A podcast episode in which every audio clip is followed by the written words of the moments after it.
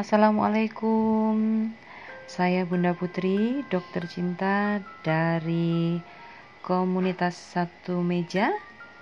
Hadir kembali untuk Anda di Pondok Curhat Podcast. Kali ini uh, saya ingin sedikit memperkenalkan diri saya untuk kawan-kawan atau teman-teman yang mungkin belum pernah mengenal saya ya.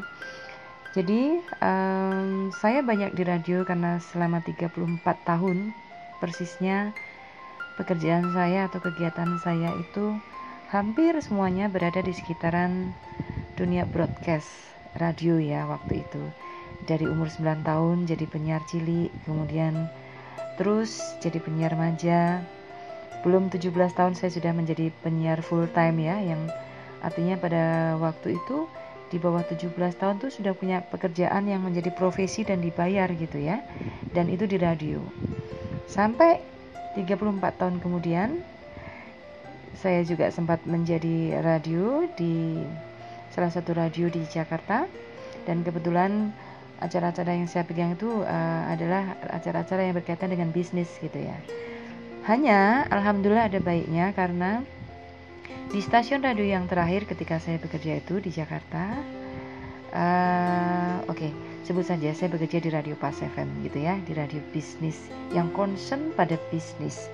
Tetapi di antara jam itu setiap tengah malam itu jam 12 sampai jam 2 pagi saya mendapatkan kesempatan yang luar biasa untuk menggunakan frekuensi radio itu menjadi salah satu sarana atau cara yang saya sukai gitu ya yang kebetulan sangat cocok dengan visi misi saya secara pribadi yang ingin banyak memberikan manfaat uh, pada orang lain pada hal-hal yang baik dan positif gitu.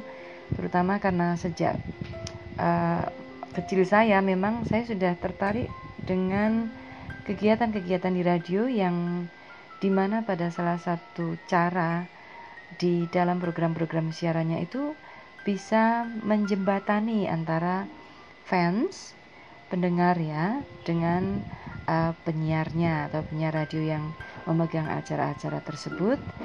Kalau pas acara yang dipegang adalah acara-acara yang berkaitan dengan masalah hati, seperti awal dulu saya memegang acara surat-surat biru gitu ya. Isinya adalah curhatan anak-anak SMP, SMA, ABG yang pada waktu itu mungkin punya permasalahan yang tidak ingin diceritakan kepada orang di uh, sekitarnya. Mungkin orang dekat yang saya maksud tidak mau cerita ke orang tuanya gitu kan. Tidak mau cerita juga ke guru-gurunya di sekolah. Tidak ingin juga orang-orang dekat seperti kawan-kawan tahu. Jadi perasaan-perasaan yang disimpan sendiri dan umumnya itu adalah perasaan-perasaan yang berkaitan dengan urusan cinta. HPG banget ya. Tapi ya memang begitu. Nah itu kira-kira tahun 80 82 86 itu saya memulai kegiatan-kegiatan semacam itu saya menerima surat-surat dari mereka, saya membacakan permasalahan yang ada, lalu uh, mencarikan solusi bersama-sama gitu ya. Diskusi dengan mereka yang sedang dalam masalah itu untuk mencari jalan yang terbaik harus bagaimana menyikapi kalau ada hal-hal yang sekiranya mengganggu.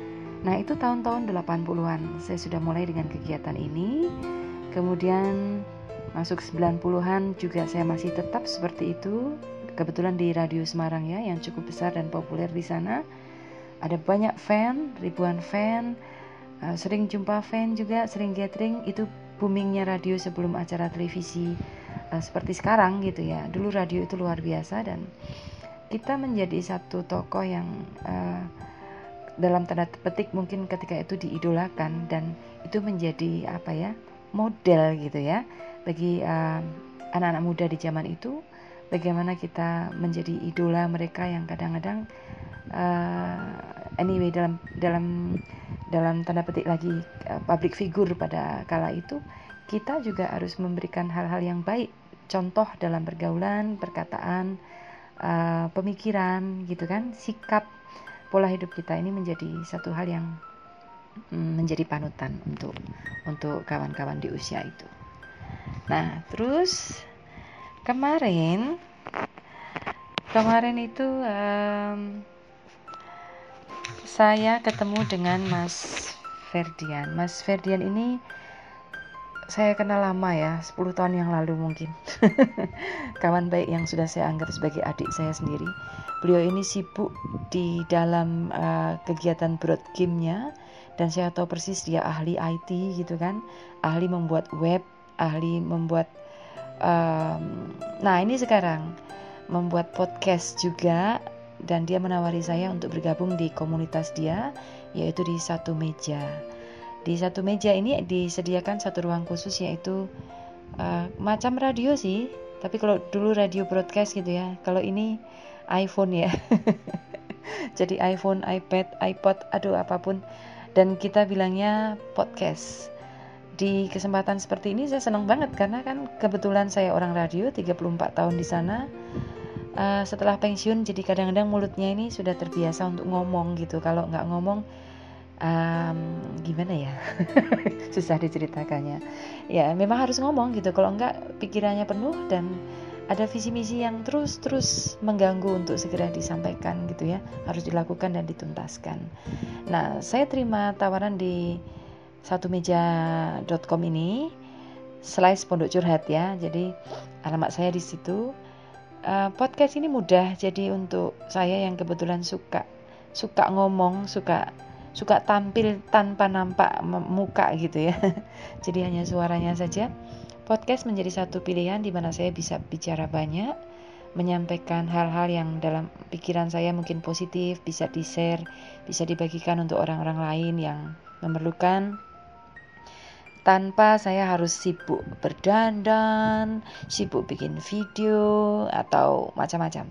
Nah, ini paling sederhana dan saya suka gitu ya. Karena bicara seperti ini pun seperti sekarang ini um, bikin apa ya artikel yang yang kita tulis lalu kita baca kita buat uh, seperti uh, voice note gitu ya uh, pesan suara kan? Bisa sambil apa saja. Bisa sambil mengerjakan kesibukan apa pun yang kita tidak perlu keluar dari rumah.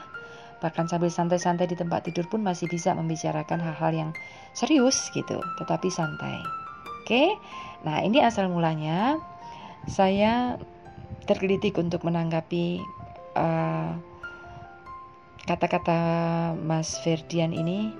Yang kenapa ingin membuat podcast untuk saya adalah karena pikirannya penuh dengan hal-hal yang uh, mengganggu ketika ia sempat bicara dengan beberapa kawannya yang punya podcast juga uh, dan beberapa kawan di lingkungannya gitu ya yang sering mendapatkan kisah-kisah yang sangat menyedihkan dari lingkungan kawan-kawan kita sendiri, yaitu begitu banyaknya orang bunuh diri gitu kan, stres, depresi, banyak orang yang mengeluh tapi tidak tahu tempat curhat, mau ngomong ke mana gitu.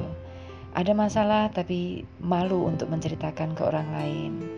Ada problem tapi takut kalau sampai orang lain tahu. Bahkan ke keluarga dekat sendiri, orang tua, atau bahkan ke pasangan sendiri ya untuk suami atau istri menyimpan masalah itu serasa harus gitu. Karena kalau sampai ketahuan orang lain takut jatuh harga dirinya kan gitu ya. Jadi disimpan rapat-rapat. Padahal banyak hal yang menyebabkan manusia itu menjadi uh, overload nanti. Ketika pikiran kita sudah dipenuhi dengan rasa takut rasa bingung, rasa putus asa, sehingga ketika tidak bisa melampiaskan uh, emosi atau beban yang ada di dalam pikirannya ini nanti nembaknya itu ke hal-hal yang buruk gitu. Jadi kalau enggak badannya atau tubuhnya yang sakit ya pikirannya yang sakit. Nah, kalau pikiran yang sakit kan itu bahaya gitu ya karena bisa melakukan hal-hal yang um, mungkin membuat orang lain uh, rugi, bisa jadi celaka gitu ya. Karena perbuatan-perbuatan yang tidak baik itu kan bisa mencelakai diri sendiri dan juga orang lain. Nah, satu demi satu sedikit-sedikit kita akan coba mulai buka supaya program di komunitas satu meja atau di podcast Pondok Curhat secara online ini bisa lebih efektif gitu, lebih ketemu sasaran dan lebih sesuai dengan siapa-siapa yang memang membutuhkan forum podcast Pondok Curhat ini untuk bisa membuka uh, diri dan hati serta jiwanya gitu ya untuk tidak menyimpan sendiri beban-beban yang nantinya bisa membahayakan. Oke. Saya sebenarnya banyak menangani uh, pengobatan alternatif ya, tidak dengan dengan obat-obat alopati, tidak dengan obat-obatan kimia, tetapi lebih kepada pro, uh, program pengobatan saya itu lebih ke metode dialogis gitu ya. Saya bicara dengan orang, mendengarkan, melihat uh, postur orang, jadi um, bahasa tubuh yang saya lihat ketika orang bicara.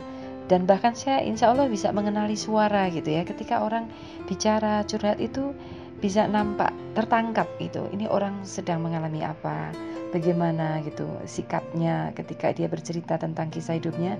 Apakah dia sedang serius tulus gitu? Apakah dia sedang bicara mengada-ada bohong gitu kan? Atau memang sengaja menghasut dan memfitnah? Nah ini memang ada ada ilmu tersendiri gitu ya untuk melihat suara atau karakter seseorang itu nanti bisa diketahui akankah uh, positif atau tidak orang ini dan bisakah diperbaiki atau disembuhkan atau tidak. Oke, jadi um, beberapa yang saya temui dari klien gitulah ya istilahnya kalau kita tidak bilang pasien.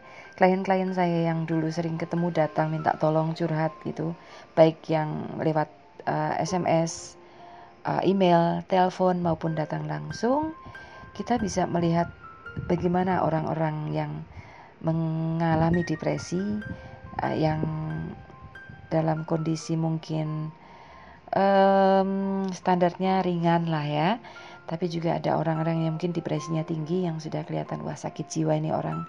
Atau yang sudah dalam posisi ini orang sakit jiwa sudah membahayakan karena sikap dan uh, perilakunya ini sudah kasar gitu ya, destruktif, merusak, um, omongannya menyakitkan gitu kan, tajam. Kalau enggak um, apa ya, keliru gitu ditanggapi oleh yang tidak paham, bisa saja itu bikin emosi ya. Orang bisa marah, bisa bisa dipukuli gitu ya, atau diajar kalau orang ngomong yang uh, menyakitkan gitu kan, atau mungkin yang mengecilkan orang gitu. Padahal yang mengatakan itu orang-orang yang sedang sakit jiwa yang dia tidak sadar dengan ucapannya sendiri. Oke, kita coba mengenali depresi dulu sebelum kita nanti bicara tentang kenapa orang bunuh diri dan apa sebabnya terjadi orang bunuh diri dan bagaimana mengatasi atau mencegah supaya orang tidak bunuh diri. Saya ingin menyampaikan dulu tentang bagaimana cara kita untuk mengenali depresi. Kita sering ya dengar bahwa eh, orang-orang depresi itu peristiwa-peristiwa yang mengalaminya mungkin dimulai dari hal-hal yang datangnya tidak terduga ya kan yang karena kebakaran mungkin semua usahanya hangus hancurlah di situ. Atau kayak sekarang ini tsunami gempa bumi jadi orang bisa kehilangan semua yang dibangun yang dirintis yang dimiliki dengan susah payah selama puluhan tahun hilang begitu saja dalam sekejap dan itu betul-betul menghabiskan gitu ya. Menghabiskan lahir batin tidak hanya harta bendanya tetapi hati dan pikirannya bahkan jiwanya. Jadi kalau kehilangan sesuatu yang berat seperti ini orang bisa saja langsung ya hidup segan mati tak mau gitu ya. Jadi rasanya memang sangat berat kita bisa bayangin. Oke ini saya saya baca dari beberapa tulisan saya sendiri dan kumpulan artikel ini sebetulnya sudah pernah saya upload lama bahkan ya tahunan yang lalu lah. Melalui web saya di Pondok Curhat dan uh, mungkin ada juga di beberapa status saya di FB di klinik Bunda Putri atau di uh, saya, saya banyak akun FB saya lupa yang mana saja. Tapi ada di Bunda Putri Dokter Cinta juga uh, fanpage mungkin ya uh, halaman di Facebook juga yang saya kelola Oke, kita pernah dengar bahwa perancang mode dan tas terkenal di Amerika yang namanya Kate Spade ya, juga ada uh, top chef di Amerika namanya Anthony Bourdain yang meninggalnya juga karena bunuh diri. Ada lagi adik bungsu dari Ratu Maxima. Ratu Maxima itu istri raja di Belanda ya, yaitu uh, Ines Sorikita. Uh, waktu itu umurnya 33 tahun, meninggalnya juga bunuh diri. Nah, meninggalnya ini di oh, itu ada di Buenos Aires ya di di sana. Nah, dua orang yang pertama saya sebut tadi itu punya kemampuan bakat yang menonjol. Jadi orangnya pintar, populer gitu kan. kaya, sukses, terkenal, kurang apa lagi. Nah, sementara kalau Ines ini yang adiknya uh, Ratu tadi ya, itu asalnya dari keluarga yang memang sudah dari dahulunya sudah kaya raya. Pintar, lulus komlot dari psikologi pula gitu ya. Dan uh, sayangnya ketiga orang terkenal pintar dan sukses kaya raya ini tiga-tiganya sama menderita depresi, yaitu kecemasan yang berat. Dan uh, yang terakhir, selain depresi, suka cemas, suka baper, suka suka ketakutan tanpa sebab, mereka juga punya gangguan makan dan juga gangguan kepribadian atau personality disorder. Dunia ini kaget kalau dengar berita-berita yang seperti ini. Heran, bertanya-tanya, lalu menyayangkan kok bisa gitu ya. Kok kok gitu sih gitu. Lalu kita kadang-kadang punya pikiran yang negatif. Wah masa kayak gitu aja nggak mampu, nggak tahu bersyukur gitu ya, nggak bisa menikmati hidup Kenapa? Uh, apa-apa sudah dimiliki, apa-apa sudah ada. Kok ya malah bunuh diri itu. Jadi kita kadang kadang tidak tidak tahu ya, bingung gitu mencari alasan yang um, tepat untuk kenapa sih kok orang bisa uh, bunuh diri gitu. Ya. Jangankan kita, untuk keluarga sendiri pun ketika ditinggalkan oleh mereka yang bunuh diri dan mengalami keadaan seperti ini pasti mereka akan shock, akan kaget luar biasa jadi pasti akan merasa kehilangan dan hal-hal seperti itu memang memberikan uh, nuansa kesedihan yang luar biasa. Ya, ada masih banyak ratusan bahkan ribuan mungkin orang di dunia ini yang mengalami depresi dan yang dikenal sebagai salah satu penyakit yang uh, memang memakan banyak korban ya setelah setelah penyakit jantung. Jadi orang meninggal di dunia ini paling banyak adalah karena penyakit jantung. Yang kedua adalah karena depresi itu ya. Depresi entah karena bunuh diri atau memang sakitnya karena depresi dan terus meninggal gitu. Di Belanda 5% dari penduduknya mengalami keluhan dan gangguan depresi dari yang ringan sampai yang berat. Nah depresi itu apa sebenarnya? Depresi itu merupakan gangguan perasaan. Jadi orang yang mengalami depresi mengalami rasa murung yang kuat dan abnormal gitu Depresi itu dikelompokkan dalam depresi ringan dan depresi berat. Depresi lebih dari sekedar rasa sedih gitu ya. Sedih tapi nggak cuma sedih gitu loh. Sedih tapi yang sangat mendalam. Sedih luar biasa pokoknya. Ya.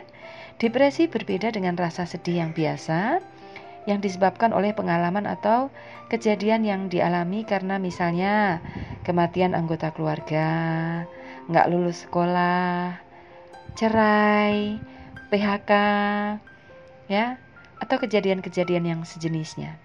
Nah, kesedihan yang tidak berkurang setelah dua minggu atau mungkin sudah menunjukkan uh, tanda-tanda depresi ketika tiga hari pertama lah, kalau itu betul-betul peristiwa yang membuat shock gitu ya, yang berat itu, nggak nunggu lama-lama itu depresi pasti akan kelihatan.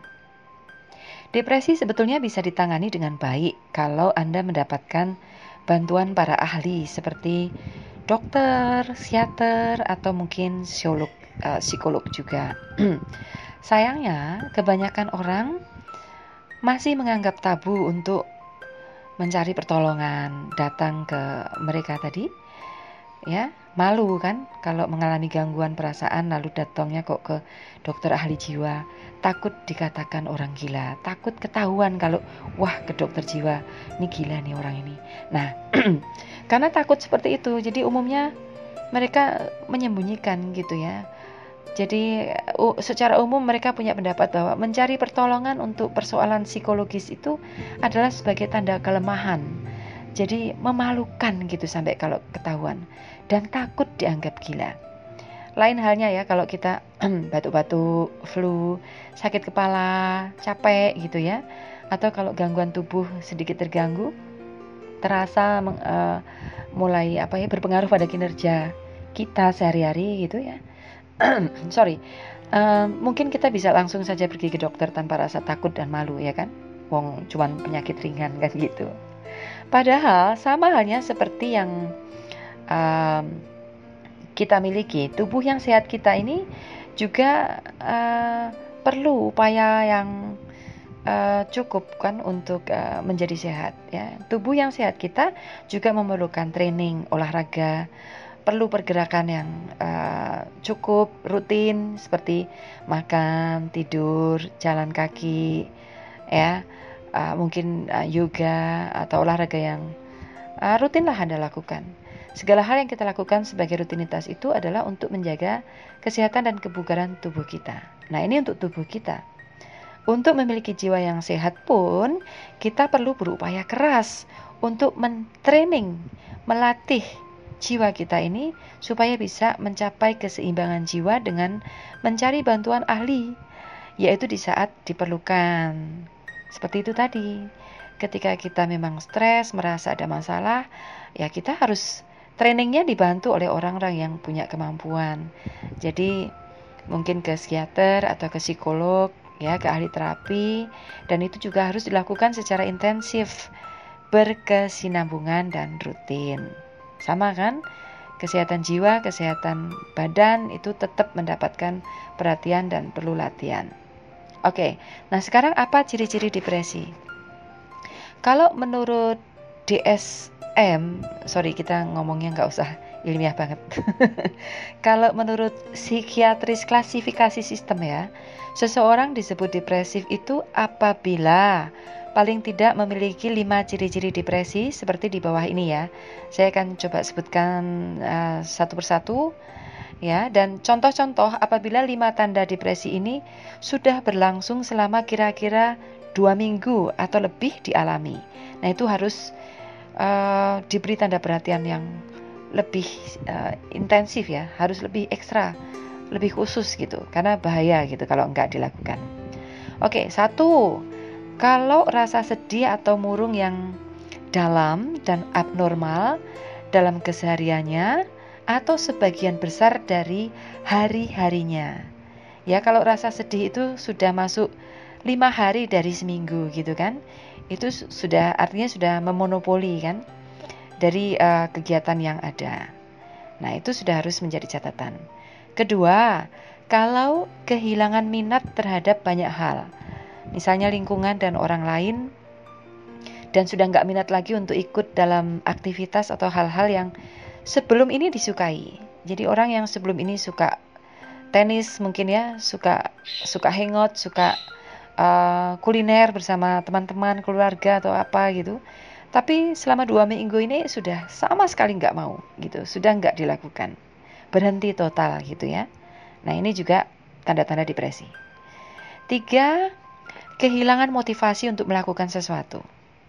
Kerja sudah males, mengerjakan pekerjaan rumah tangga pun yang seharusnya rutin dilakukan di rumah sudah nggak ada lagi tenaga, sudah nggak minat lagi, bahkan sudah nggak mau. Ya nanti bisa jadi uh, sumber pertengkaran ini di rumah karena kamu kok males gitu. Tiba-tiba nggak mau ngerjakan ini nggak mau itu nggak mau apa gitu ya. Tidur terus kan? Di kamar terus. Punya hobi yang biasanya dilakukan dengan semangat sudah nggak mau lagi. Nah ini kehilangan motivasi. Kalau sudah dua minggu berlebih ya itu juga harus waspada Oke, kesedihan, rasa murung berlangsung dua minggu, tidak tahu sebabnya, tidak tahu harus bagaimana, dan tidak tahu solusinya. Waspadai kehilangan selera makan, berat badan turun terus. Sorry, ngomongnya. Kehilangan selera makan, berat badan turun terus. Nah, kan? Tidak tahu sebabnya, makan sih, tapi kurus terus. Atau makan, tapi tidak nikmat, jadi asal telan. Akhirnya nggak jadi daging gitu ya. Berat badan tetap turun, turun, dan lama-lama kelihatan kok, kok kecil gitu loh, kok lemah gitu kan Orang kurus kan cepat sakit ya karena kurang gizi, kurang makan. Yang keenam yaitu kalau Anda mulai sulit tidur, tidur tidak nyenyak, gelisah, ya tidur tapi bangun-bangun terus. Tidur, tapi kalau bangun tidur rasanya tetap kayak nggak tidur, bangunnya malah sakit, malah capek semua. Tidur mimpinya nggak enak, ya kejar dikejar setan gitu ya, ya kan? Mimpi yang uh, tidurnya kayak didatengin orang mau dibunuh gitu mau mau dianiaya nah ini kan tidur yang tidur yang bikin capek jadi itu juga bisa menyebabkan depresi karena kurang darah kurang istirahat metabolisme tubuhnya jadi nggak bagus gitu ya. Jadi badannya terasa nggak enak. Sebaliknya, kalau Anda terlalu banyak tidur karena depresi, karena malas ngapa-ngapain, jadi Anda tidur terus, badan juga terasa sakit dan itu juga akan mengganggu gitu ya. Dan itu juga bisa menjadi satu tanda depresi. Terus ada lagi yaitu uh, gelisah. Kalau Anda dalam kehidupan sehari-hari mulai merasa gelisah, dan mulai sering menahan diri gitu ya, mengerem diri atau menarik diri menjadi berubah, sangat pendiam dari yang sebelumnya periang, dari yang sebelumnya uh, apa ya percaya diri, berani tampil, berani ngomong gitu ya, selalu di depan. Sekarang berubah jadi orang yang kalau disuruh maju, suruh pidato, suruh apa, enggak lah gitu. Kamu aja, enggak lah, saya capek sudah. Kamu saja sudah biasa, gantian yang lain. Jadi ini ada tanda-tanda orang yang suka uh, tadinya ditam, diandalkan untuk tampil ke depan, sekarang dia mulai di belakang gitu, mulai mulai enggak mau, mulai enggan, mulai enggak ingin tampil dan mulai enggak mau melakukan hal-hal yang uh, diharapkan orang gitu ya. Jadi sudah berhenti dari kegiatan tampil. Oke, kemudian tunggu, ini saya pause dulu sebentar. Ada yang saya harus kerjakan, jadi memang harus uh, break dulu sebentar. Oke, pause dulu sebentar, saya lanjut ya. Nah, oke, lanjut lagi. Sorry ya. Enaknya di podcast itu begitu. Siaran bebas, boleh berhenti, boleh lanjut lagi, boleh boleh ke sana kemari dulu. Oke, okay, sorry. Tadi kita bicara tentang eh, tanda-tanda uh, depresi ya, mengenali depresi. Sudah banyak yang saya sampaikan, tapi mungkin ini uh, menambahkan ya. Tadi kita sampai pada tanda eh, tanda-tanda kalau orang mulai sering gelisah, kelihatan gitu ya, nggak tenang, terus mengerem diri dan menarik diri. Oke, sekarang tanda yang lainnya adalah kalau anda merasa lelah, lelahnya parah gitu ya. Nggak ngapa-ngapain kok kesel gitu kan. Nggak melakukan hal-hal yang berat tapi kok rasanya capek banget kehilangan energi kehilangan tenaga. Lemah lemas sampai sudahlah istirahat terus saja. Nah ini perasaan yang yang seperti ini juga harus diwaspadai karena nggak biasanya begitu kan nah kemudian kalau anda memiliki perasaan tidak berharga dan mulai merasa banyak merasa kayak gini, rasa bersalah yang tidak semestinya. Ada orang sakit, ada orang kecelakaan, ada orang meninggal, kan bukan Anda yang salah gitu ya karena karena mengalami seperti itu orang kemudian menjadi celaka, sakit dan meninggal. Bukan salahnya, tapi kita merasa salah sendiri. Jadi merasa bersalah padahal tidak ada alasannya dan tidak ada pembenarannya dan rasa bersalah itu terlalu kuat sehingga mengganggu pikiran. Nah, ini juga harus diwaspadai. Karena kalau diteruskan termasuk bisa di, eh, bisa depresi gitu.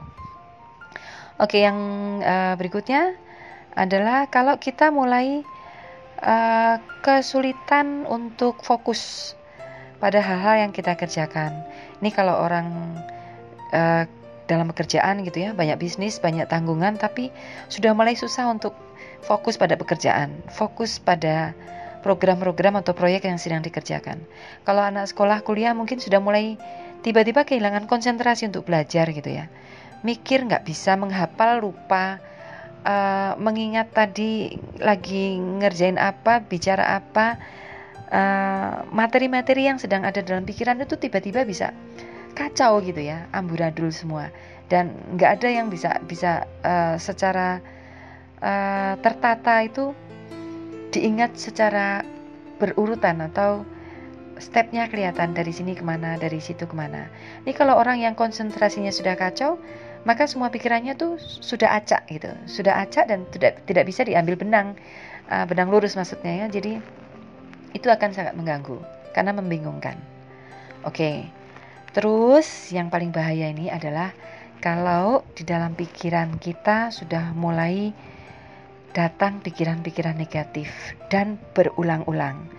Jadi ketika sudah ada banyak masalah, ada beban, ada tanggungan yang itu sudah dirasa tidak ada jalan keluarnya, tidak ada solusinya gitu ya.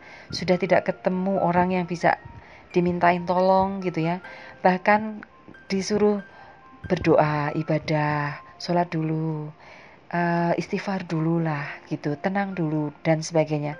Tapi nasihat-nasihat seperti itu sudah tidak mampu gitu ya untuk meredam pikiran-pikiran yang uh, negatif yang ada di dalam uh, hati dan pikiran kita. Nah, pikiran-pikiran yang berulang-ulang datang terus-menerus yaitu pikiran ingin mati saja. Lebih baik dah selesailah bunuh diri saja gitu ya. Jadi pikiran-pikiran negatif yang mengganggu seperti ini apabila datang terus-menerus sekiranya lebih dari dua minggu itu selalu saja sampai menghayal, bermimpi-mimpi, membayangkan gimana ya caranya bunuh diri, nanti bagaimana ya, harus bagaimana ya, sesudah ini apa yang akan terjadi dan sebagainya. Nah kalau pikiran-pikiran buruk seperti ini akan muncul dan terus mengganggu selama berhari-hari berulang-ulang, bahkan Anda sudah merencanakan secara khusus nanti akan seperti apa untuk mengatasi rasa putus asa dan tanpa harapan ini uh, akan diselesaikan seperti apa dalam tanda petik ternyata diselesaikan dengan cara bunuh diri. Nah, Anda harus segera minta tolong.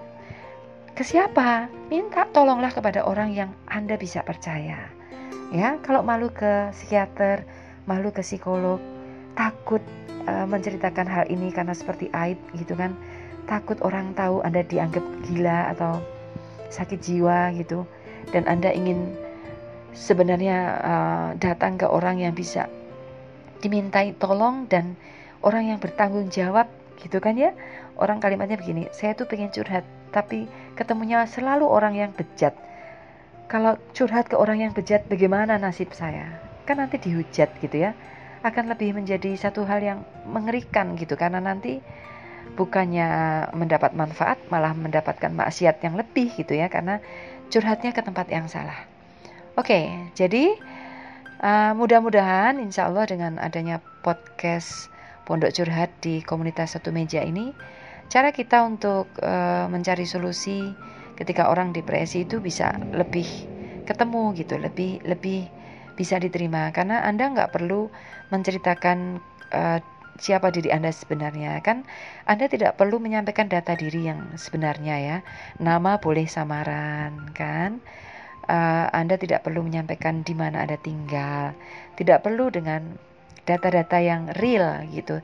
Tetapi Anda harus menyampaikan satu hal yang sesungguhnya gambaran yang sesuai. Kalau Anda curhat di uh, podcast Pondok Curhat bersama Bunda Putri Dokter Cinta, di sini Anda harus betul-betul menyampaikan data diri Anda, nama, usia, jenis kelamin, profesi, latar belakang, pendidikan, lahir di mana, tinggal di mana, asal usul kotanya bagaimana, lalu uh, gambaran khusus dari apa yang Anda sedang alami ya, dari permasalahan Anda, kondisinya dahulu bagaimana, penyebabnya apa, sekarang bagaimana, dan kondisinya separah apa. Lalu dalam pikiran Anda sekarang, depresi yang sedang Anda alami ini semestinya mendapatkan solusi yang bagaimana? Anda ingin keluar dari permasalahan itu atau tidak? Kalau ingin keluar dari solusi seperti uh, kalau ingin keluar dari depresi seperti ini, solusi apa yang Anda ingin dapatkan? Kita bisa diskusi di sini gitu ya. Kita bisa cari solusinya sama-sama tanpa Anda harus takut uh, membuka diri Anda atau takut tidak perlu takut diketahui orang karena ini kan terjaga rahasia Anda ya, karena yang kita angkat di sini adalah problemnya, masalahnya, dan kita menawarkan solusinya, jalan keluarnya. Manfaat yang kita ambil adalah kalau ini berhasil menjadi satu jalan keluar yang kita bisa pakai bersama, kita bisa menolong orang lain mencegah dari keinginan untuk bunuh diri. Kan seperti itu. Oke. Nah, ini adalah Cara bagaimana mengatasi depresi, jangan menunggu lama-lama untuk mencari bantuan. Segera datang, boleh minta dukungan medis, boleh ke psikologis, boleh melalui melalui pondok curhat, itu ya. Kalau bisa ketemu teman untuk curhat ya, carilah teman yang bukan malah lebih mem membuat Anda terpuruk ya. Tapi carilah teman yang memang bisa membuat Anda lebih positif, membuat Anda bangkit dan membawa Anda pada uh, jalan yang lebih positif untuk uh, jalan yang lebih tepat maksud saya untuk bisa menemukan um, tempat yang nyaman untuk Anda memulai kembali hidup Anda setelah depresi-depresi ini bisa dihilangkan. tergantung berat ringannya depresi yang dialami ya. Karena uh, berat atau ringan depresi itu menentukan apakah penderita depresi itu perlu obat antidepresan atau tidak. Jadi ada yang bisa melalui spiritual, perli, uh, sorry, pergi ke Pak Kiai kayak paranormal, uh, ke orang yang berilmu gitu ya, ke orang pintar atau ke ke terapi-terapi yang yang banyak sekarang ini hipnoterapi atau ke meditasi atau ke banyak banyak orang yang bisa uh, dijadikan tempat untuk tujuan ketika orang mengalami depresi. Pokoknya jangan bunuh diri dulu aja sebelum Anda ketemu dengan orang-orang seperti ini atau ketemu dengan uh, apa ya lembaga-lembaga uh, yang memang mampu untuk mengatasi depresi. Oke. Okay? Jadi tadi kita melihat uh, berat ringannya depresi ya. Tergantung apakah depresi ini bisa diselesaikan, dihilangkan dengan cara mengalihkan uh, kegiatan Anda Ya kalau nggak perlu obat antidepresi berarti Anda perlu sesuatu yang bisa memberikan udara segar gitu kan, memberikan oksigen pada diri Anda ya. Jadi untuk menyeimbangkan uh, kalau kita tulisannya tulisannya begini, dopamine dan sororonine. Sebenarnya sebetulnya lebih pada kata dopamine dan uh, serotonin atau hormon happy ya. Kalau kita meningkatkan hormon happy di dalam pikiran kita, maka hormon-hormon yang sedih tadi, pikiran-pikiran negatif kita ini bisa digantikan dengan pikiran-pikiran yang positif. Jadi hormonnya yang harus dinaikkan. Caranya bagaimana? Supaya otak kita lebih banyak hormon happy. Nah itulah bergabung dengan orang-orang yang punya uh, hormon happy. Jadi suka uh, bercanda, suka nonton yang. Jadi kalau orang lagi sedih itu pergilah nonton lawak gitu kan, nonton Sri Mulat, nonton stand uh, stand stand up komedi atau nonton film-film yang lucu. Jadi alihkan perhatian Anda dari kesedihan itu dengan hal-hal yang bisa membuat Anda tertawa. Sebab begini, orang yang sedih, orang yang sedang tidak punya uh, apa ya mood gitu, kalau dia kumpul dengan orang yang ketawa gitu. Ketawa itu menular ya. Jadi nanti Anda bisa tiba-tiba juga ikut geli, ikut tertawa dan itu membangun hormon gitu. Jadi Anda juga bisa ikut merasakan bahagia. Kerasa nggak? Sebaliknya kalau Anda duduk dengan orang yang sedih, uh, berada dalam suasana duka cita misalnya, ada orang di depan Anda menangis gitu. Nanti Anda jadi ikut menangis pula. Dan hormon negatifnya, hormon kesedihan itu tiba-tiba ikut muncul, ikut penuh gitu. Padahal Anda nggak sedih sebenarnya tidak dalam posisi orang yang mengalami, tetapi kalau berada di lingkungan orang yang sedang dalam duka cita dan penuh hormon kesedihan, ya Anda jadi sedih gitu. Nah itu kan nggak bagus. Jadi posisi yang sebaiknya adalah segera temukan hormon happy Anda. Saya nggak tahu hormon happy Anda apa yang mana, tapi carilah yang sesuai dengan keinginan Anda untuk uh, bisa mengalihkan hal-hal yang negatif itu. Oke, dukungan psikologis melalui psikolog baru bisa diberikan apabila yang bersangkutan sudah bisa diajak berkomunikasi, sudah biasa uh, sudah bisa diajak berpikir dan bisa mengerti apa yang disampaikan. Oke, okay? cognitive behavioral therapy, SIMA therapy atau ACT, acceptance and commitment therapy. Ini adalah merupakan bentuk-bentuk terapi yang uh, bisa membantu menyembuhkan keluhan atau penyakit depresi. Nah, itu caranya. Nah, bagaimana mencegah depresi? Hidup yang sehat, rileks, jangan terlalu serius, ya. Jangan terlalu kaku, seimbang di antara kerja dan kehidupan pribadi. Banyak berdoa, banyak ibadah gitu ya. Lakukan meditasi, yoga, pergi piknik, outbound, nikmati alam, pemandangan ciptaan Tuhan, cari atmosfer yang banyak oksigen, yang tenang gitu, yang yang tidak terlalu banyak hiruk pikuk dengan um, apa ya kegiatan manusia yang kadang itu mengganggu banget gitu ya, karena banyak persaingan, kadang-kadang keras gitu ya, saling sikut, saling menjatuhkan, saling menghasut, menfitnah itu kan sangat mengerikan, mengerikan. Tetapi kalau anda pergi ke tempat yang uh, relax, yang tenang, Anda akan mendapatkan banyak hal di sana karena dengan melakukan banyak hal yang disukai, banyak tertawa, banyak jalan kaki akan meningkatkan hormon happy dan Anda akan hidup lebih sehat. Oke. Jadi cegahlah kesedihan yang ada dan jangan sampai berubah menjadi depresi. Oke, ini adalah cara yang saya ingin tawarkan. Sebagai seorang homepet, homepet itu adalah ahli homepati. ya, saya agak fokus pada pengobatan yang saya lakukan selain spiritual uh, therapy gitu ya. Uh, sorry, spiritual healing, dialog healing atau dialog dialogis therapy. Um, saya juga melakukan satu cara yang saya pilih dengan memberikan pengobatan homeopati yaitu menggunakan obat-obatan herbal yang berasal dari tumbuhan dan mineral yang diambil kira-kira seperseribu dari zat yang ada jadi sangat kecil, sangat aman sehingga tidak menyebabkan ketergantungan, tidak menyebabkan efek samping dan tidak menyebabkan uh, kecanduan gitu ya, aman diminum bahkan untuk ibu hamil dan anak-anak. Jadi karena tidak menyebab tidak mengandung kimia, jadi tidak tidak mengganggu di ginjal gitu ya kalau diminum lama uh, dan juga tidak menyebabkan ketergantungan sampai pada uh, kecanduan seperti yang dialami kalau orang-orang sakit jiwa. Kadang-kadang begini gila masuk ke rumah sakit jiwa diberi obat sehat dan sembuh. Tapi begitu obatnya berhenti seketika itu juga sakitnya kumat ya. Karena sembuhnya karena obat gitu. Begitu obatnya berhenti ya kumat lagi. Nah itu kan sama saja kayak enggak diobati gitu ya. Nah kalau dengan homeopati kita mencoba mengobatinya sorry kita coba mengobatinya dengan uh, aroma bunga-bungaan gitu. Minuman yang mengandung herbal dan tanaman. Kemudian uh, mungkin ada kayak misalnya kalau minyak wangi aromaterapi, air yang diminum, sabun mandi gitu ya, sebagainya. Ini kalau dibuat dengan uh, bahan-bahan yang natural, alami, maka akan lebih berkhasiat. Tetapi ada caranya. Oke, okay?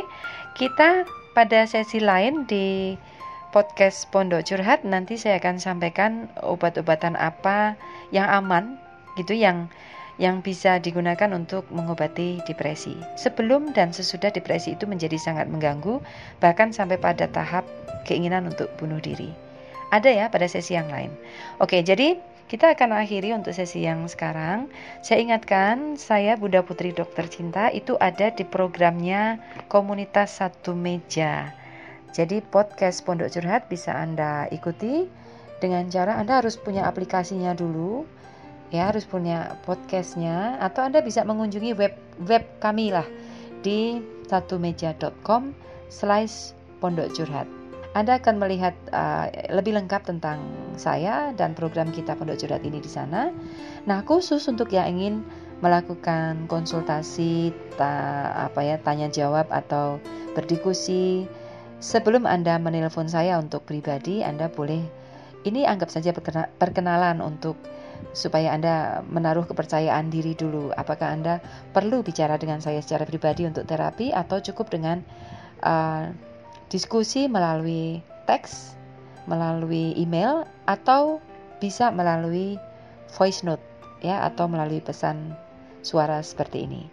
Caranya ketik nama Anda, tanggal lahir boleh, nama, usia ya, alamatnya nggak perlu, Profesi perlu, latar belakang uh, kegiatan sehari-hari perlu sebab ini berpengaruh pada apa yang sedang Anda alami, kita bisa melihat dari sana. Kemudian apa yang menjadi masalah yang uh, Anda rasa ini adalah penyebab depresi Anda dan Anda ingin solusinya seperti apa? Mungkin sudah punya gambaran pikiran tetapi tidak yakin. Nah, untuk memastikannya kita boleh diskusikan melalui acara ini. Kemudian kirimkan pertanyaan Anda ini melalui email. Dan alamat email saya adalah pondokcurhat at eol.com Sekali lagi kirimkan email Anda ke pondokcurhat at aol.com AOL dalam bahasa Indonesia ini ditulis pondok curhat A, A, A lingkaran ya pondok curhat at aol.com. Oke? Ya. Saya tunggu email Anda. Nanti saya baca dan uh, beberapa pertanyaan yang dirasa sudah sangat perlu untuk segera ditindaklanjuti atau harus segera dicarikan solusi saya akan angkat. Nanti mana-mana yang kita perlu diskusikan segera saya diskusikan. Anda boleh tunggu jadwal saya untuk mengudara di podcast. Terus ikuti podcast saya dan mudah-mudahan cara ini akan memberikan manfaat untuk kita semua. Oke, salam dari saya Bunda Putri Dokter Cinta Podcast Pondok Curhat. Assalamualaikum.